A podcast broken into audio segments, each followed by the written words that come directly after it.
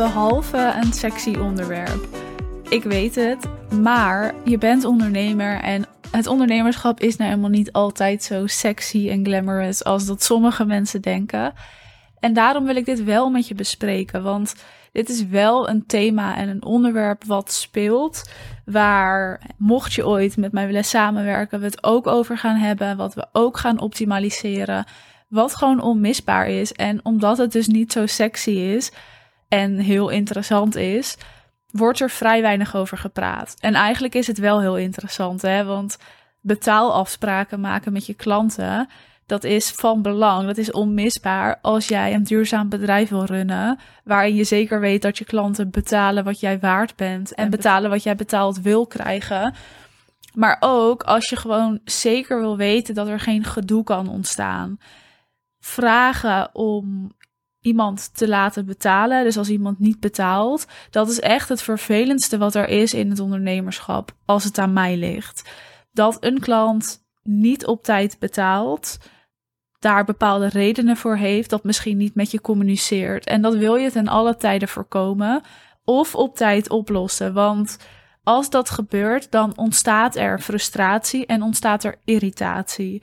En dat is iets wat je in de band met jouw klant, dus in de relatie met jouw klant, niet wil hebben. Als dat erbij komt kijken, moet dat heel goed uitgesproken zijn en besproken zijn. Want anders merk je dat in de samenwerking.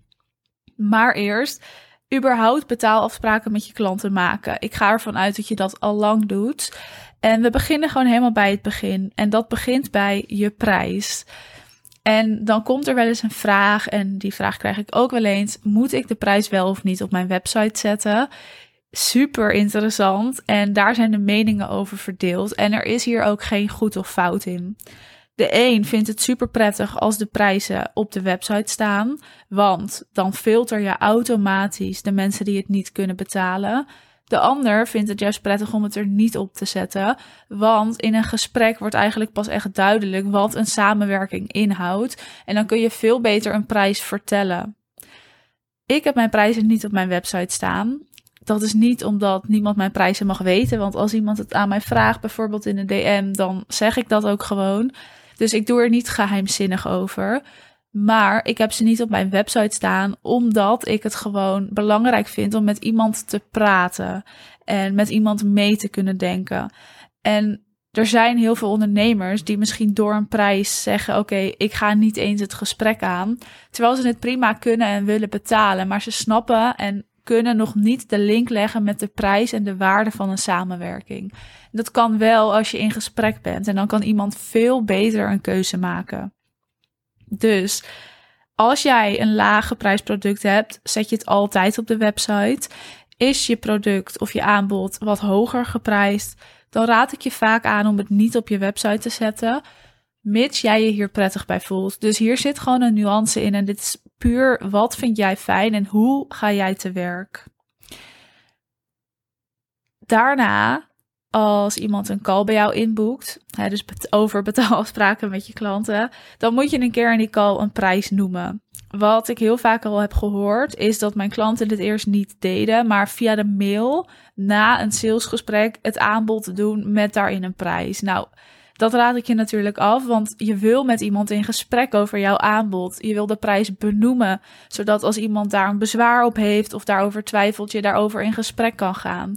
Dus nooit je aanbod of je prijs via de mail benoemen, maar altijd in de call. Dan kun je namelijk als iemand in de call al ja zegt, meteen het hebben over een betaalafspraak. Oftewel, wilt iemand de investering in één keer betalen of wilt iemand in termijnen voldoen? Wat is er mogelijk? Waar voelt iemand zich prettig bij? En dan kan je ook echt met iemand meedenken. En daar start dus eigenlijk het hele proces wat betreft betaalafspraken. En hier komt dan ook de discussie weer, die de laatste tijd merk ik een beetje opleidt.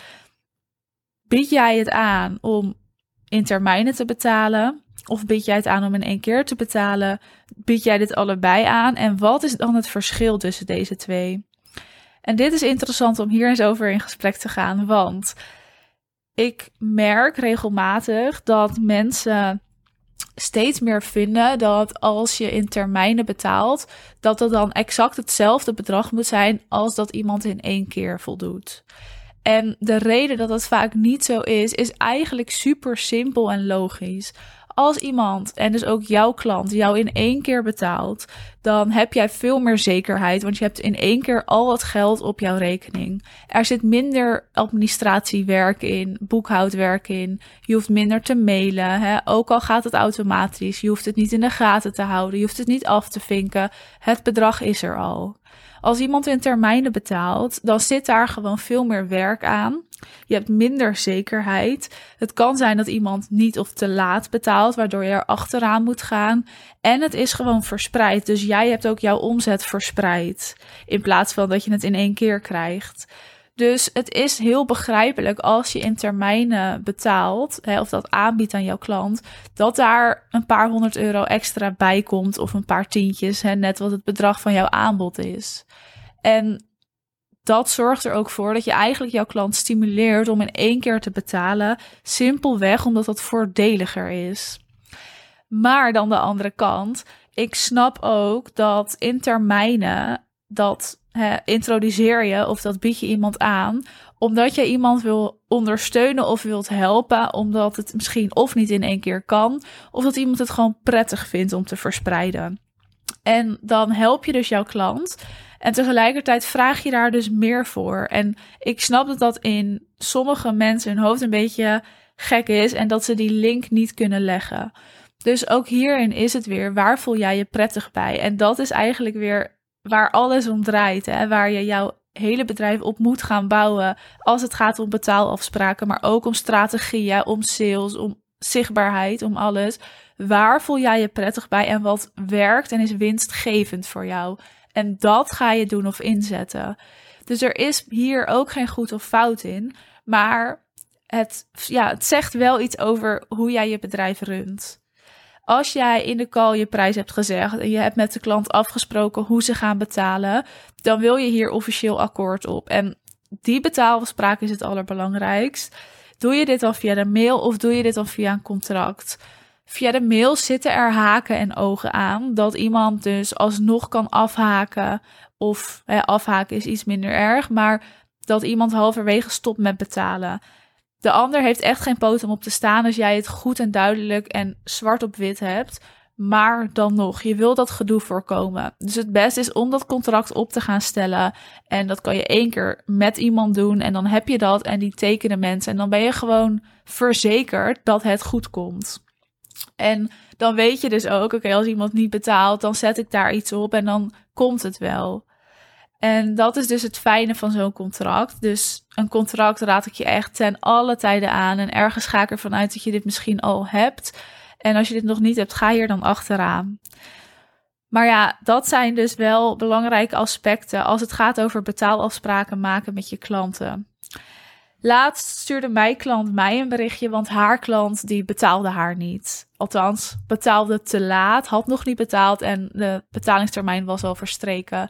Ja, wat doe je dan? Dat is de vraag. En zij stuurde mij ook. Ik merk dat ik al snel een wat geïrriteerd berichtje type, omdat ik het gewoon niet begrijp. Omdat ik zelf altijd alles meteen betaal, nooit te laat ben daarin.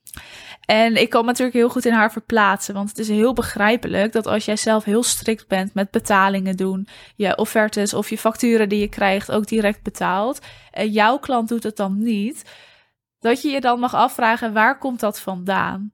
Tegelijkertijd is het een hele mooie les, want iemand betaalt niet. En hoe ga jij daar dan als ondernemer mee om? Want zij is ook coach, dus zij moet ook de relatie in stand houden. Want zij moet haar wel blijven coachen. En die relatie moet dus vanzelfsprekend goed zijn en vertrouwelijk zijn. Wat ik haar heb aangeraden is ook om het door te zetten naar haar VA. Zodat haar VA dit eigenlijk kan afhandelen en de mails kan sturen, dat zij het ook kan loslaten. En dat is eigenlijk wat ik jou ook aanraad als iemand niet betaalt. Ga er niet zelf achteraan. Ga niet zelf die relatie vertroebelen, want dat is wat er dan gebeurt. Maar zorg dat je VA of ja, iemand die daar verstand van heeft, even zorgt dat er een mailtje wordt gestuurd, dat er contact is, dat je ook begrijpt of weet waarom er nog niet betaald is, dat je met die klant weer een duidelijke afspraak maakt, of dat er dus zo snel mogelijk betaald gaat worden. En dat dan jullie relatie helemaal intact blijft. Want je bent ondernemer, je gaat een samenwerking aan. Misschien ben je coach, dan is je samenwerking en nog vertrouwelijker. En die relatie moet gewoon niet vertroebelen. Dus wat heeft zij gedaan? Zij heeft inderdaad haar VA gevraagd om even dat mailtje met haar te sturen naar haar klant. En dat is waarschijnlijk inmiddels al opgelost. Of ze weet wanneer de klant gaat betalen.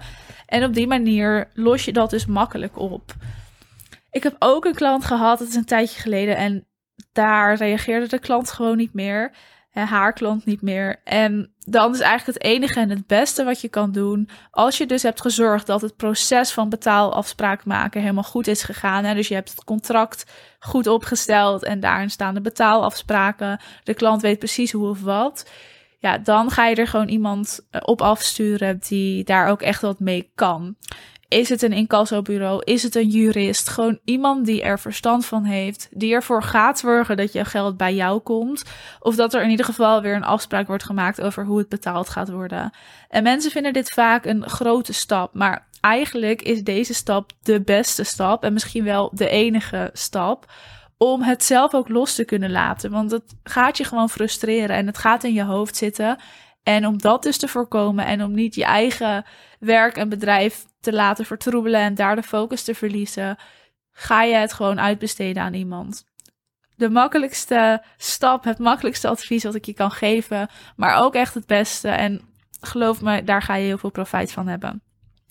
Goed, dat even voor nu over betaalafspraken met je klanten. Hè? Dus moeten die prijzen op je website? Wanneer vertel je de prijs? Hoe maak je een betaalafspraak met een klant? Ga je in termijnen werken in één keer of bied je een combinatie aan? En hoe zit dat dan met een korting? En wat als iemand niet betaalt? Dat is wat we even besproken hebben. Die betaalafspraken zijn dus van belang, dus ga daar wat mee doen. En dan wens ik je voor nu een hele fijne dag.